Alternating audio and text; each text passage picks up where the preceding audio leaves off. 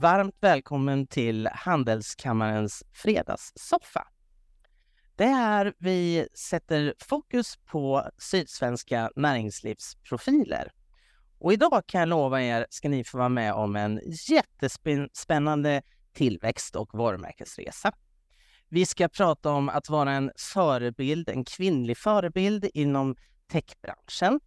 Vi ska prata ledarskap och vi ska också prata om hur man gör för att faktiskt sluta och oroa sig för saker och ting.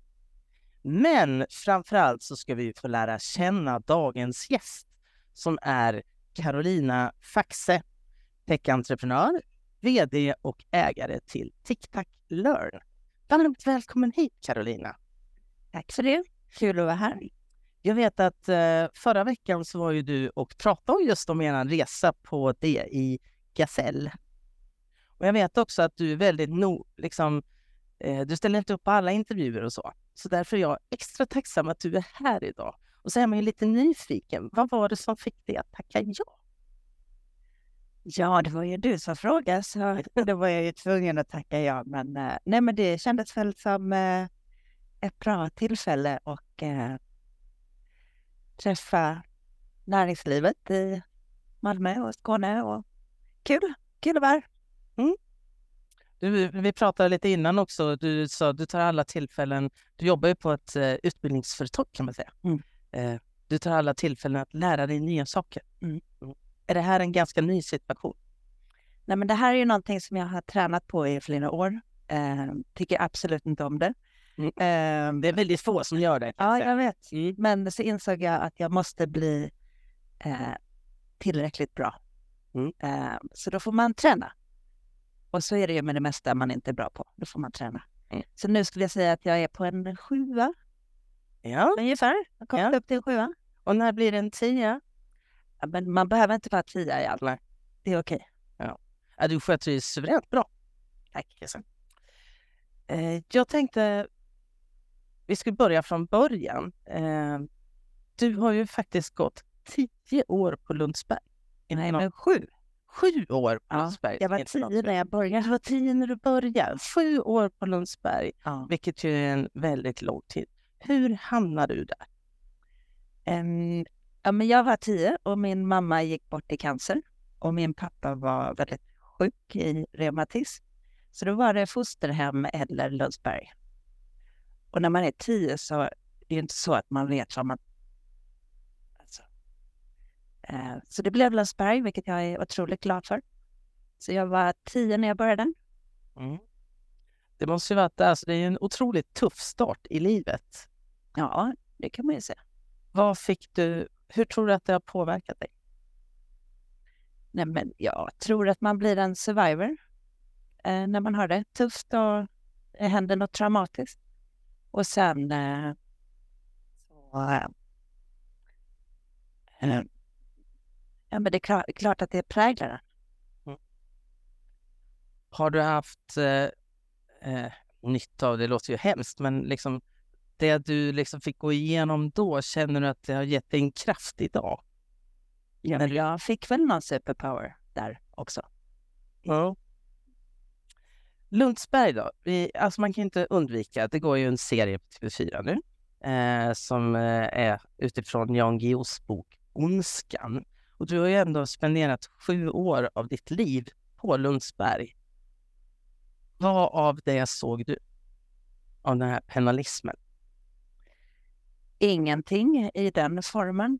Sen är det klart att på alla skolor så finns det ju grupperingar och att folk är taskiga mot varandra. Och, men det finns ju överallt. Och det finns ju på Lundsberg också. Men jag skulle säga att Lundsberg är en otroligt bra skola. Jag är enormt tacksam att jag fick gå där. Vad är det som är så bra med just, det har man ju många också säga. Varför är Lundsberg så bra? Ehm, um, ja, men det, man blir ju vuxen tidigt kan man ju säga. Man bor ju hemifrån och man bor tillsammans på elevhem och men det är en otroligt fin gemenskap. Det är en väldigt bra skola med bra lärare. Jättemycket aktiviteter. Uh, så att uh, det är superkul. Ja, alltså det är ju en skola. Så att... Det är inte superkul hela tiden. Skola, men ändå. Mm, ja. Eh, jag vet att du har på med mycket idrott Mm. där. Vilka idrotter? Ja, men jag kan ju, jag var duktig i de flesta idrotterna. Eh, friidrott, simning, innebandy, volleyboll. Eh, så är det ju olika turneringar mellan hemmen. Mellan hemmen? Hur många elever har man, är det ungefär på Lundsberg? Ja, det det är mellan 30 och 40 elever på varje elevhem. Och så är det sju, åtta elevhem. Så att det är väl ungefär 250 elever och sånt. Och så tävlar man liksom Ja. mot varandra då? Exakt. Och Oh. så vinner man Marie Langenskiölds-pokalen om man är mesta mästaren. Och den vann du eller? Ja, mitt hem vann den sju år i rad i alla fall. Okej. och du, jag kan tänka att du var en bidragande orsak. Ja, det, Vilken av alla de här idrotterna... För när jag, när jag träff, en av de första gångerna jag träffade dig så vet jag att jag bara tänkte att du har en väldigt, du har en simmarkropp i mina ögon. det Jag kan misslärnad. Ja, men jag kan misstänka. Ja. Var du bra i simning? Jag simmar innan jag börjar på. Så det får man när man simmar. Det kan ni tipsa era barn. Ja, precis. Vill de ha breda axlar så ska de simma. Ska du simma? Ja. eh, har du kontakter med folk som du gick med där idag? Ja, min eh, dotter går ju där nu Mm. och eh, då är det ju väldigt många som har sina barn där. Som man gick med själv. Man vet ju att många näringslivsprofiler har ju gått på Lundsberg. Kan du namedroppa några som gick där samtidigt som du som sen har blivit stora stjärnor inom näringslivet? Ja, Jakob De Geer är ju rätt känd. Ja. Och han gick bland annat. Han är ju cool. Han är cool. Han är väldigt cool. Mm. Eh, har du nyttjat det här nätverket nu i, i ditt yrke idag så att du liksom Nej, det kan jag inte påstå. din... eh, Sen hamnade du i Lund Mm. och pluggade. Mm. Vad läste du där? Ekonomi. Ekonomi. I hur många år? På den tiden så blev man ju civilekonom som det så fint hette. Och då pluggar man i tre och ett halvt år. Och sen ditt första jobb därefter Det blev Skandia. Det var tio år. och jobbade med... Försäljning av eh, både tjänstepensioner och privata investeringar och sånt. Sen vet jag, sen hamnade du på Travel Start. Mm, jag blev mamma 05 Mm. och då var jag mammaledig. Och sen på ett bananskal så hamnade jag på Travelstart. För Stefan som ägde Travelstart behövde någon som tittade till firman som det så fint hette. Och då tänkte jag, det är ju perfekt, jag behöver ju något lite extra att göra. Så då tittade jag till Travelstart. Eh, och så Vad innebar det? Liksom? Titta till firman men vi visste väl inte riktigt vad det innebar. Men när jag kom till Travelstart så var det, det är ju e-commerce i sin linda. Och man kan ju säga att jag är väldigt bra på siffror och flöden. Och det är ju det det handlar om med online business. Så att det var, gick eh, superbra. Eh, så då sa jag upp mig från Skandia och så blev jag vd på Travelstart. Så du var alltså där titta till, det var under tiden du var mammaledig? Mm. Okej. Mm. Häftigt. Hade du lilla bebisen med dig då också till Travel Start? Ja, men det hände väl. Vad, Travel Start, vad gjorde ni? Eller vad gör Sålde eh, resor på nätet. Till business eller mer privat? Mer privatpersoner. Mer privat. Och när du kom in där, hur mycket omsatte ni då? 400 miljoner. Och när du lämnade sen, hur mycket omsatte ni då? 1,8 miljarder. Känner du att du var väldigt bidragande till tillväxtresan? Ja, det får man väl eh, säga. Vad var det, vad gjorde ni? Vad gjorde du för att det skulle liksom ta fart så? Köpte trafik och konverterade. Okej. Vilken trafik pratar vi? Eh, nej men eh, på internet kan man ju mäta allting. Så det handlar ju om att eh, få så många besökare som möjligt till din hemsida och sen när de väl är på hemsidan så vill du konvertera dem till en affär. Och det var det jag menar. Det är ju siffror det handlar om. Man köper för X och man konverterar. Ja, så är det liksom. Mm. Ja. Sen så eh, slutar ju det lite abrupt och du har ju myntat ett eh, uttryck. Jag vet inte om det är du som har myntat det, men jag fastnar hos mig. Be bitter or be better. Kan du beskriva och förklara det? Varför? Nej, men det är klart att när det går väldigt bra för en, om man är anställd vd, eh, så blir man ju förvånad när ägaren vill ha tillbaka vd-stolen. Och per definition kan vi inte vara två som kör firman. Han tyckte att du hade tittat till det tillräckligt då? Ja, precis. Han, han ville titta till det själv då. Ja. ja. Så, eh, och då får man ju en liten chock nästan. Eh, eh, och sen så måste man ju bara skaka av sig det där. Och så, man kan ju säga att jag fick världens bästa universitet i entreprenörskap. Och Stefan lärde ju mig att värdet i bolaget är ju i bolaget. Alltså jag som vd, jag tjänar ju en lön. Mm. Men jag bygger ju värdet åt honom. Mm. Han sålde ju den nordiska delen nio månader senare för över 100 miljoner. Och då insåg man ju att all right, jag har i alla fall varit med och bidragit till det där. Så då, det blev min målsättning. Jag ville själv äga ett bolag och driva ett bolag. Vilket år var det här? 09, 09. Och det var då också du köpte TicTac? just det. Vad var det du såg i det bolaget som gjorde att du gärna ville äga det? Alltså det var ju extremt mossigt. Eh, Då tänker man så här, ja, mossigt, jag köper det. ja, absolut. Nej, men jag eh, kunde inte så mycket om e-learning och digitalt lärande. Men jag googlade eh, och då så tänkte jag att det här måste man kunna göra snyggare, snabbare, bättre. Eh, och så trodde jag att det skulle gå mycket fortare än vad det gjorde. Men hur eh, var det ute till försäljning då? Eller hur? Nej, de var på... Det här var ju efter Lehman Brothers 08. Mm. Eh, så många bolag hade det ju tufft. Och det hade de också. Eh, och sen hade min syster hade konsultat åt dem och sprungit på dem i olika sammanhang. Så det var hon som ringde mig och sa att men Lina ska vi inte titta på TikTok, de, eh, de har det tufft.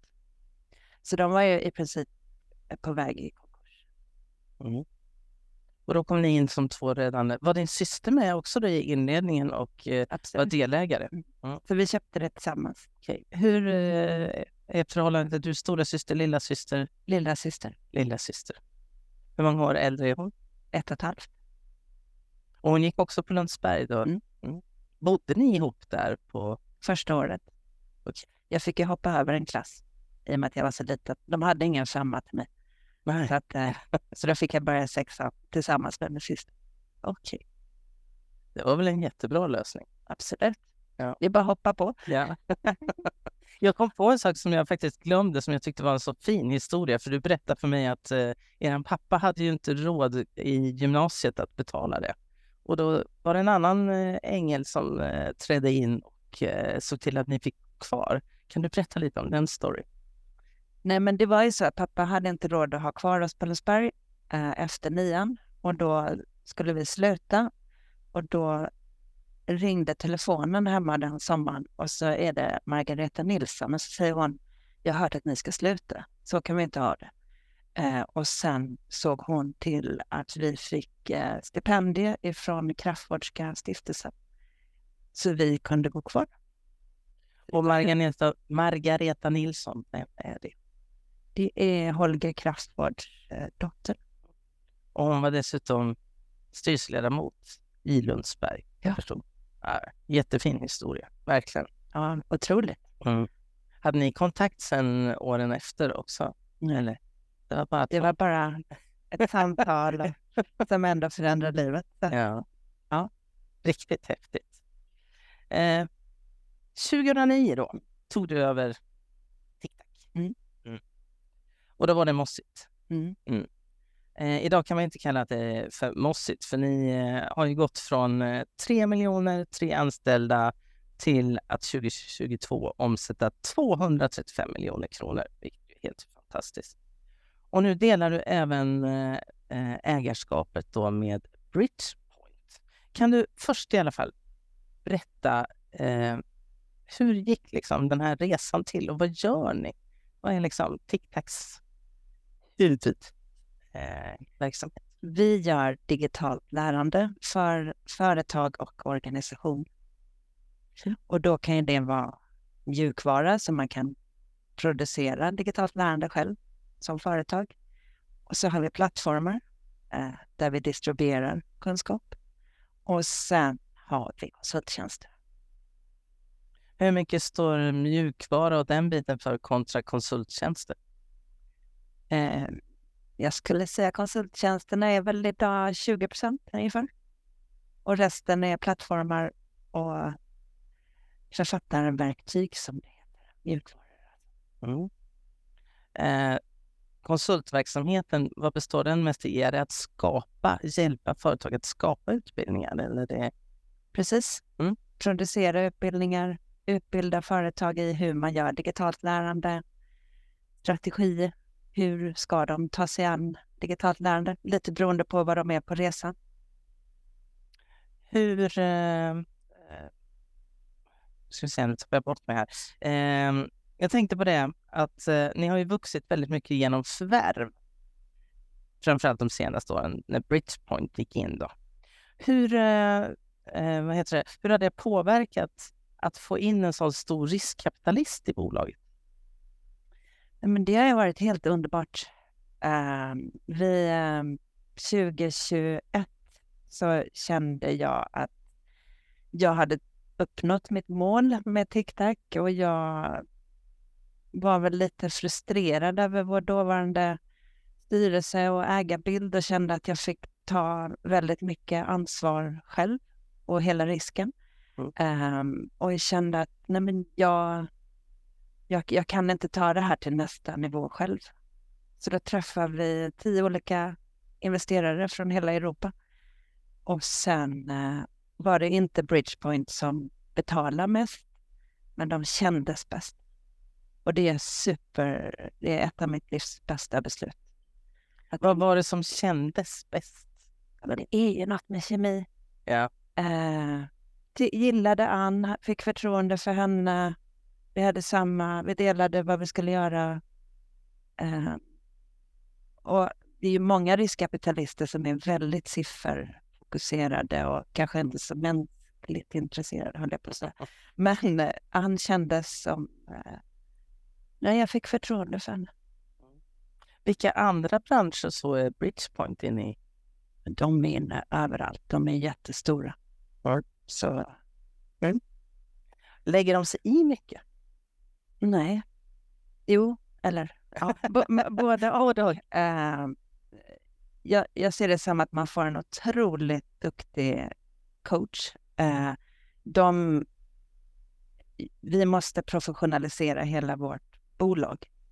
Om jag inte skulle gå med på det, då tror jag att det hade blivit problem. Men jag vill ju lära mig, jag vill utvecklas, jag vill bli bättre. Och då får jag en chans att jobba med någon som är, har gjort det förut, vet hur man ska göra. Eh, så det är ju fan, fantastiskt härligt. Känns de, för man pratar ju ofta om att riskkapitalister är väldigt kortsiktiga och de ska liksom hämta hem pengarna. Känns de här mer långsiktiga? Ja, jag skulle säga att vi är helt överens hela tiden. Har det alltid varit ett mål att växa? Du har aldrig liksom funderat på att ah, nu har vi en jättenice verksamhet här som funkar hur bra som helst. Nu är det bra. Nej, jag kan inte förstå hur man inte skulle ha som målsättning att växa. Det... Jag vet, jag vet inte, jag, jag, jag, jag förstår inte hur man inte skulle växa. Nej. Hur många anställda har ni då? 70-ish. 70-ish. Hur många av dem är i Sverige? 25-ish. Mm. Något sånt. Eh, ni köpte ju väldigt nyligen ett danskt och ett tyskt eh, företag. Mm. Eh, hur ser du på kulturskillnaderna mellan hur liksom hur danskar jobbar och hur vi svenskar jobbar. För det pratar vi ju ofta om att vi, vi tror vi är så lika, men vi är ju verkligen inte det. Och du har ju fått erfara det, förstår jag. Kan du berätta lite? Ja, men man måste göra det. Det går inte att tro att vi ska bestämma eh, och att de ska göra som vi säger. Eh, och det, det är en utmaning att förstå hur man ska leda det danska teamet. Men jag har en ny teori nu. jag har utmanat mig själv så att eh, vi ska se om det lyckas. Så nu istället för att bli frustrerad så tänker jag att jag förväntar mig inte något annat än att vi måste krångla till det lite grann och de måste känna att det kommer ifrån dem. Och det är ju inte att krångla till det från deras sida, det är bara så de vill göra. Så får vi se om det funkar. Eh, det är ju superspännande. Hur gör du då? Alltså, kan du ge något lite så här konkret exempel? Du talar om för dem vad de ska göra. För det funkar inte. Nej. Ger du dem ett problem att lösa eller? Nej, men det handlar väl om att de ska känna att de är med och fattar beslutet. Så även om beslutet redan är taget så får vi... Får vi och sen så handlar det ju också om att vara öppen för att ja, vi kanske inte har tänkt eh, eller har rätt. Och så får, får man liksom... Det tar lite längre tid, men så länge vi kommer framåt så gör väl inte det någonting. Jag tycker danskarna är superduktiga. Så att, eh, men, men det är en utmaning. Tyskarna då, är det samma utmaning där att leda? Nej, de är lite mer... Äh, de köper in lite lättare och ifrågasätter inte så mycket. Så de gör mer vad man säger och mm. önskar? Mm. Var tror du att TikTok kommer vara om fem år? Oj, vilken tidshorisont. Var den väldigt... Det var ju väldigt långt bort. Uh, ja, herregud, allt kan ju hända. Det är så mycket spännande. Uh, men vi har ju förmodligen vuxit. Kan vi utgå ifrån. Mm. Vi organiskt eller via förvärv? Både och, tror jag. Mm. Jag tror vi gör ett förvärv inom kort. Du tror det? Då tror vi också det. det ska bli spännande att se. Ja. Är det något som kommer säga boom i pressen och överallt så? Men det kommer bli en jättebra affär. Om, du, om vi pratar lite edtech då, som är den bransch som du är i. Den måste ju vara i ganska stor omstöpning nu, för det har ju, AI har ju fullständigt exploderat och vi hör om det i, ja det har varit vd-byten på OpenAI och han har kommit tillbaka och det är massa diskussioner nu om det här nya, nya sortens AI som kommer kunna lägga ihop ett plus ett och sådär. Såg nyheterna igår. Mm. Hur pass ser du att edtech-branschen kommer att förändras nu med tanke på AI? Fullständigt skulle jag säga. Var det korta svaret? Det var det korta svaret, ja. det är det svaret. Men det är ju dels eh, hur man eh, producerar, hur man skapar utbildningar med AI. Så du kan göra det så. Om jag trodde vi kunde göra det snyggare, snabbare, bättre så kan jag ju säga att med AI kan vi göra det supersnabbt och superbra. Och, så att, och, då är det klart att vi måste ligga i framkant i, i den delen. Och sen så tror jag att hela skolan och hur vi lär oss, det kommer fullständigt vara annorlunda. Lärare, hur man jobbar. Eh, jag, jag, tror vi har inte sett mycket än. Det är superspännande. Och sen är det risker såklart. Mm. Vad ser du för risker? Nej, men det gäller ju att eh, man avväger eh, saker och ting. Jag ska säga själva informations... Alltså det går ju att föda AI med massa falska saker eh, och sådär. Eh, så att, eh, det är klart det finns risker, men, men det tror jag inte kommer hindra utvecklingen. Tänk att hela världens utvecklare sitter och utvecklar mot AI just nu. Helt otroligt. Det kommer nya verktyg varenda vecka. Mm. Eh, och det är ju också så, ser du, kan AI vara en konkurrent? Ja, vi pratade igår, hade vi Troe Troedsson här, vi hade Tulldagen online. Och han är ju väldigt mycket, han är ju framtidsvisionär och framtidsforskare och så här. Och han eh, pratar ju mycket om det här att han hade bland annat en kompis uppe i Uppsala som hade tryckt in årskurs 1 till 9, allt som handlar om fysik och hade skapat nu en virtuell fysiklärare eller en AI-fysiklärare. Kan AI och det här OpenAI också bli en konkurrent till er? För att här finns ju på något vis all världens kunskap samlad. Mm. Och man får ut den väldigt pedagogiskt. AI kommer ju inte ta vårt jobb, men den som kan bemästra AI och vet hur man ska använda det, den kommer ju bli vinnare. Det var exakt det han sa igår. Ja, vad bra det. Exakt. Ordagrant. Ja. Lyssnar du på Tulldagen? Nej, du, du missade det. Du missade det. Och er, alltså era, ja, ert kontor också, när jag kom upp där i, och det, så blir man ju liksom bara, det är ju så här, wow. Det känns väldigt, eh, nästan, jag ska inte säga, Sex and the City, glamour, nej men lite så här, ja men lite så, nej men lite, det känns, det inte, det känns internationellt som tusan, det är väldigt fint.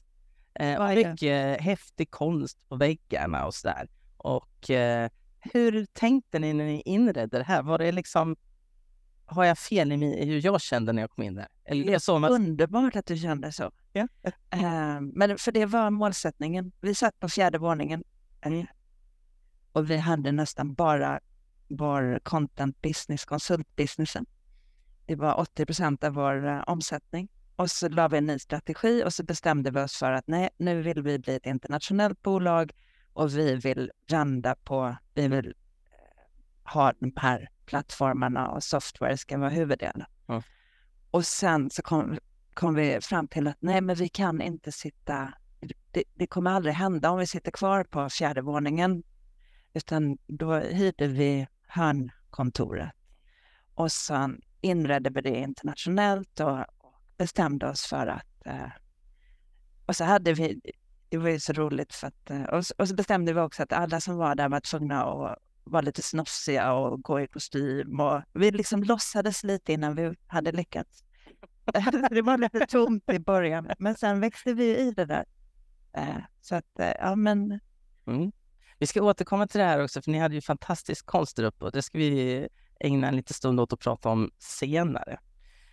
Vad är det du tycker är så kul? Alltså du insåg ju, förstod jag där när du jobbade på, eh, på um, Travel Start, att wow, här kan man ju, det är ju bättre att äga för då kan man faktiskt eh, tjäna pengar. Vad är det som är så, vad är ditt driv? Varför är det så kul att driva bolag?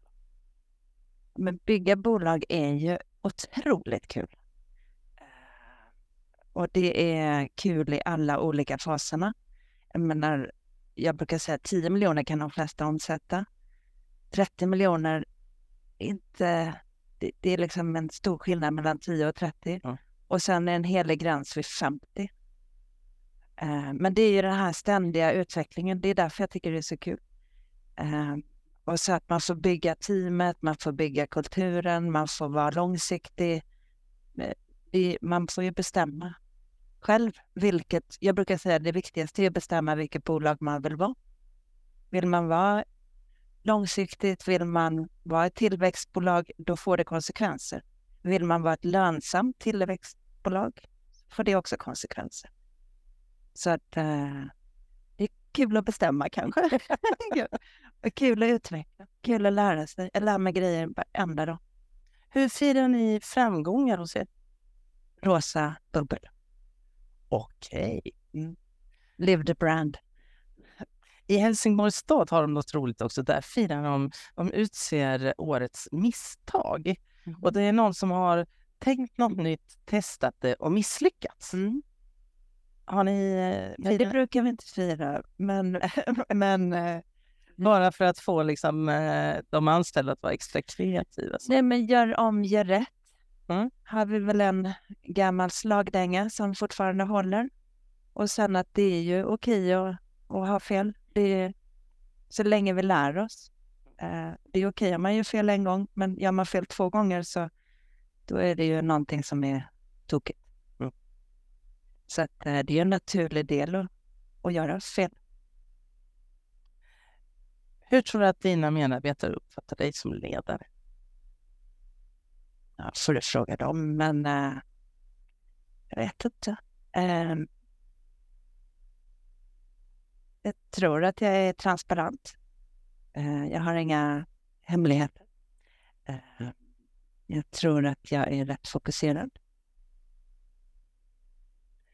Du sa, du har också berättat att du oroar dig inte för saker och ting längre. Nej. du lagt av med. Mm. och jag misstänker, det är inte bara det kan man inte bara lägga av med, utan det måste man träna på. Mm. Hur har du tränat för att sluta oroa dig? Jag kan säga att jag började träna på det 2007 ehm, och slutade oroa mig 2014. Det tog sju år? Det tog sju år. Ja. Och hur, hur man ja. tränar på det, det är nog individuellt. Men jag hade en coach som heter Sita som eh, jag träffar ibland en gång i månaden, ibland lite mer intensivt och, och vi verkligen jobbar med det. Uh, och mycket annat också såklart. Men, men det tog sju år och sen bara, okej, okay, skönt. Så nu oroar jag mig inte längre. Det måste vara superskönt att slippa. Ja, jag... men, men vad gjorde ni? Pratade ni bara eller du fick liksom eh, verktyg för att liksom Hem och träna på det här. Kanske inte riktigt så, men, men i princip, ja, jo. Man måste ju träna på det. Mm. Och man måste prata om det. Mm. För att kunna... Alltså det handlar ju om att lära sig ett annat beteende. Jag skulle säga att oro är en bugg. en bugg i systemet? Ja, men det är en bugg som ja. människor ägnar enormt mycket tid och energi och kraft åt. Och om man kan frigöra den buggen, om man kan programmera om mm. systemet. Så då kan man använda all den energin till något roligare än att oroa sig. Så sluta oroa er. Kan du ge något lite konkret på hur man skulle kunna, en tankeövning eller något? Nej, jag är ingen coach i detta. Nej, okej. Okay. Man får gå till en coach helt enkelt. Ja, man får ja. Och har, du har skickat eh, hela ledningsgruppen till coacher också, vad jag förstår. Ja. Och vad säger de? Eh, nej, men vi är övertygade om att det handlar om en helhet. Och ska man leda ett bolag i snabb förändring så gäller det att allting hänger ihop. Så nu har vi, vi har haft ett 12 månaders program då vi har en coach som heter Maximilian Tropé. Så Maxi har kört eh, en del och det handlar om det mentala. Eh, och sen har, är vi på Elitcenter och så har Jonas där byggt ett program om doktor mat, doktor träning, doktor sömn och doktor lycka. Mm. Um, och så får, alla, så får alla hjälp. Att det kanske är någon som sover dåligt och det kanske är någon som äter fel. Och, men vi tror verkligen att om man är i balans så fattar man bättre beslut än om man är helt slut och jobbar för mycket och ja, men, har fel prioriteringar. Och sen är det jättesvårt. Det är inte så att svenskar eller alla gör som man säger. Utan det är en process för alla att komma på det där. Att, ja, men det, det är ingen som kan göra jobbet åt en. Nej, och det är ju ingen rocket science. Men, nej, men det ska göras. Liksom. Ja, Om man ska, över tid. Över tid, ja. Precis. Mm. Ja, det låter ju som en, i mina öron är det ju liksom ljuv musik, att man verkligen tänker så. Eh, för det, det pratar ju många bolag om att man borde ha liksom, hållbara medarbetare och allt det här, men ni gör verkligen något konkret där också. Ja, men vi har faktiskt också nu satt igång eh, alla teamleads får samma program, inte lika djupt. Jag tror för det mentala så måste man vara lite mer erfarenhet, mm. eller erfaren. Men eh, men alla är ju på en tillväxtresa. Ja, men det är kul. Eh, jag gillar när man går in på er hemsida och om oss. Då kommer man till en väldigt tydlig varumärkesplattform egentligen som börjar med vision, mission, era värdeord, hur ni lever ert brand eh, som är väldigt, eh, ja ni är ett utbildningsföretag så ni har ju, den är verkligen eh, jättefin. kan du berätta lite om hur er varumärkesresa har sett ut och hur ni har landat i, i er vision? Det, det jag kan läsa den nu. We create a better tomorrow by sharing knowledge today. Ja, men den tror jag vi satte där 2017 Mm. ungefär. Eh, och det är ju så under resans gång så har man ju lite olika coacher återigen som läraren. Jag kommer ihåg att vi var på, jag tror 2010 så fick vi hjälp av Tillväxt Malmö. Och då är det ju olika, då måste man ju ha vision om man ska ha mission och. Så att då får, det är en resa det också eh, innan det sitter. Men nu tycker vi att vi har en vision som håller åtminstone fem år till, tio år till, hundra år till. Mm. Eh, Så, eh, och sen är det ju skönt när man har bestämt sig för vad man vill. Och då är det ju bara att försöka leva ut det. Och sen har ni tre värdeord också. Kan du berätta om dem? Ja, Det är passion. Och är man inte passionerad så eh, vet jag inte, det, det verkar så tråkigt. man måste ju vara passionerad för det man gör och, Ja. och för kunderna. Och det, det skulle jag säga att alla medarbetare på TikTok är. Och sen så har vi curiosity, nyfikenhet. Och det tror jag också, jag menar vår tagline är ju never stop learning.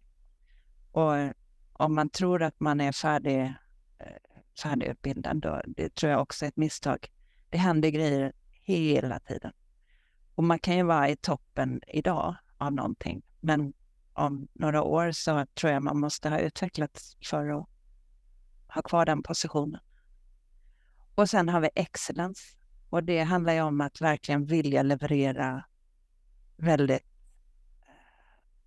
bra, Hög kvalitet. hög kvalitet. Och, och sen är det såklart i relation till budgeten. Jag menar, om man har en liten budget så kan man ändå vara excellent inom den budgeten. Så, att, eh, nej men så de, eh, det är ju skönt. Vi rekryterar på det och vi är väldigt tydliga med det. Det är bara danskarna som tycker de är konstiga. Tycker de det är konstigt med de värdeorden? Nej, men att inte de har fått vara med. Alltså att de inte har fått vara med och satt dem? Ja, Ja, ja, nu blev de 2017? påtydliga. de gjorde vi ju det. Så att, Ja, och 2021 kom de Ja, in. Ja. och Ja. det var väldigt tydligt från början. Och de delar ju dem egentligen. Ja. Mm. Men, ja. Hur, hur liksom, ja du sa det med rekryteringsprocesser och så, men hur arbetar ni annars med liksom dagligen att leva varumärket? Är det, har ni eh, avstämningar eller är den alltid uppe på tapeten? Liksom, hela, hela ert... Ja, men vi, ja, det går väl inte en vecka utan att vi pratar om det. Och vi har kulturdagar varje, varje år i alla olika länderna. Och, och det är ju jätteviktigt när man förvärvar bolag också. Att, jag menar om, om du kontaktar en TikTok i Tyskland så ska ju det vara samma känsla på kontoret. Det ska mötas av samma, samma passion, samma nyfikenhet, samma vilja att leverera. Och det, det hoppas jag att vi levererar på. Och gör vi inte det så hör av. Det är en liten... Du tillhör ju också en liten exklusiv skara som även en tidigare gäst faktiskt i Fredagssoffan tillhör, nämligen nätverket 17. Mm. Och den andra gästen som jag har haft här är Therese Lorentzon på ProTempore. Mm. Kan du berätta om, du försökte planka in där i nätverket 17, det gick Mm. inte så bra. Nej, men det var ju där när jag omsatt 30 miljoner så var Jessica en av grundarna på Rapidus och pratade och berättade om 17-nätverket. Så tänkte jag, men där vill jag också vara med. Men jag omsatte ju bara 30 miljoner. Och sen när vi började närma oss ja, men 40 och sen så liksom nästan 50 så, så försökte vi komma med. Men de bara, eh, nej, det, det är 50 som gäller. Men sen eh, svepte vi ju in. Så att, Just det. Eh, men eh, nätverket 17 då, för den som inte vet vad det är, vad är det? För? det är kvinnliga ägare som eh, omsätter minst 50 miljoner. Och det var 17 bolag då när de startade. vad de visste. Och, Och nu är vi snart 60 tror jag. Och det är ett super, alltså det är som någon super, ibland med nätverk så är det ju, men här är det verkligen ett jätte, alla verkligen vill hjälpa varandra och driver frågan om kvinnligt eh, entreprenörskap och kvinnligt ägande. Och, så det är ett jättebra nätverk. Och 2022 händer något speciellt. För då fick ni en utmärkelse. Årets krossare. Årets krossare. Jag älskar titeln. Ja, det blev årets krossare. Det är då det bolaget i 17-nätverket som har vuxit mest. Mm. Och ni växte ju faktiskt från 60 miljoner till 220 miljoner på ett år. Alltså en tillväxt på 267 procent. Imponerande. Verkligen. Du har ju lite styrelseuppdrag också och eh, i veckan så släppte vi faktiskt en eh, rapport som heter Ta plats vid bordet. Och det är fortfarande ganska nedslående eh, läsning. Vi gjorde det här ihop med Västsvenska, Östsvenska och Jönköpings handelskammare. Och där vi undersökte var 5 000, de 5 000 största bolagen i Sverige som omsätter mest. Och sen så har vi också gått ut med en enkät till ett antal bolag, 2375 i Sydsverige. Och då visar det sig att det är 50 procent av de här bolagsstyrelserna som har minst en kvinna. Men det är bara 20 procent av bolagen som faktiskt har jämställda styrelser och det är samma siffra då för Skåne. Och andelen vd i de här lite större bolagen i Skåne är 8 procent. Och det, man trodde ju ändå att vi hade kommit lite längre, men det har vi inte. Vad tror du det beror på att det går så himla Men gör det egentligen det?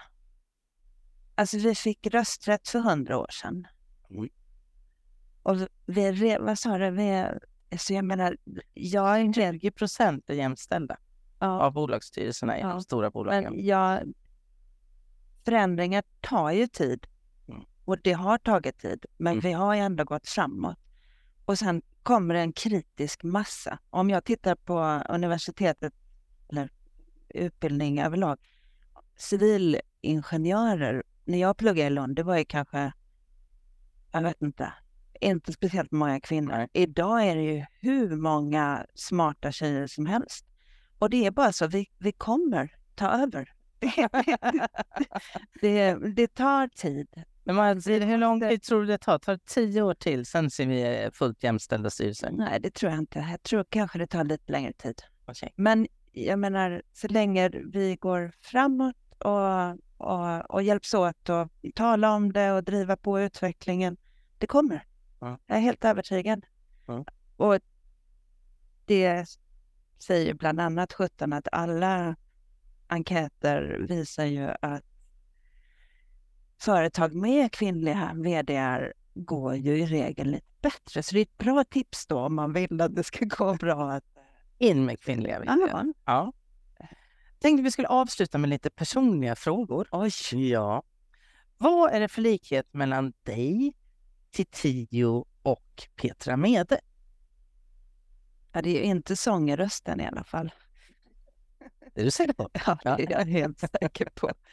Uh, nej, och det skulle väl kanske kunna vara att vi eh, har blivit mammor lite senare än snittet. För visst är det så att du har en 16-årig dotter, en 18-årig son och en dotter som är hur gammal? Åtta månader. Åtta månader. Just det.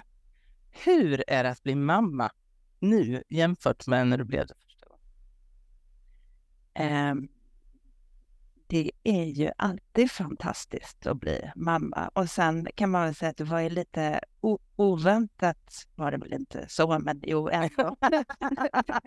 Ja, för du var ändå... eh, Man ska inte prata om damers ålder, men lite 40 plus i alla fall. ja, men lite 40 plus ja. Lite Kan man 50 säga. minus. Nej, nej, nej, nej, nej, nej. Nej, men jag var 48 när jag födde lilla Celine. Mm. Eh, så det är ju ett litet mirakel, men eh, fantastiskt. Vad har du gjort? Vad har det gjort med din vardag? Ja, eh, Doktor Sömn har ju vissa synpunkter. eh, nej, men det är ju ett pussel och jag kan säga att om jag inte hade jobbat med alla de här coacherna och, och sådär, så då hade det nog varit väldigt jobbigt. Men jag får ändå ihop livet. Jag får ihop att driva bolag och, och vara mamma och ändå träna och sova och, och sådär. Men jag vet inte, man får ju någon superkraft när man Mm. blir mamma. Mm, Så det är eh, hormonerna, vet du. Ja, det, det måste vara det. Ja, ja. Så att jag är ju i princip vaken varje natt. Men eh, jag vet inte, jag bara... Mm. Det är så. Sen är du ju liksom en, eh, du gillar ju modern konst också. Var kom det intresset ifrån?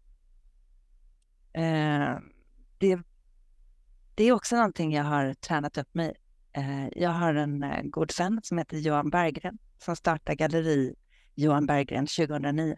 Mm. Så då valde jag så, istället för att månadsspara i fonder, som jag tycker är så tråkigt, Mm. så började jag månadsspara hos Johan. Eh, Och köpa konstverk? och så fick jag ju då köpa konst Mm. och gå på visningar och, och, och sådär. Och om man gör det tillräckligt länge så blir det ju en del konst. Mm. Eh, så att, eh, och jag skulle inte kunna leva utan konst. Det är så... eh, Vad gör det med dig? ja, men det är en, en, en energifråga. Mm. Det, det skapar någonting som, eh, som man inte kan göra med planscher. Vi har ställt samma fråga till alla deltagare i Fredagssoffan. Mm. Och det är om du fick låna en egenskap som du idag inte har i 24 timmar. Vilken egenskap skulle det vara och vad skulle du göra med den?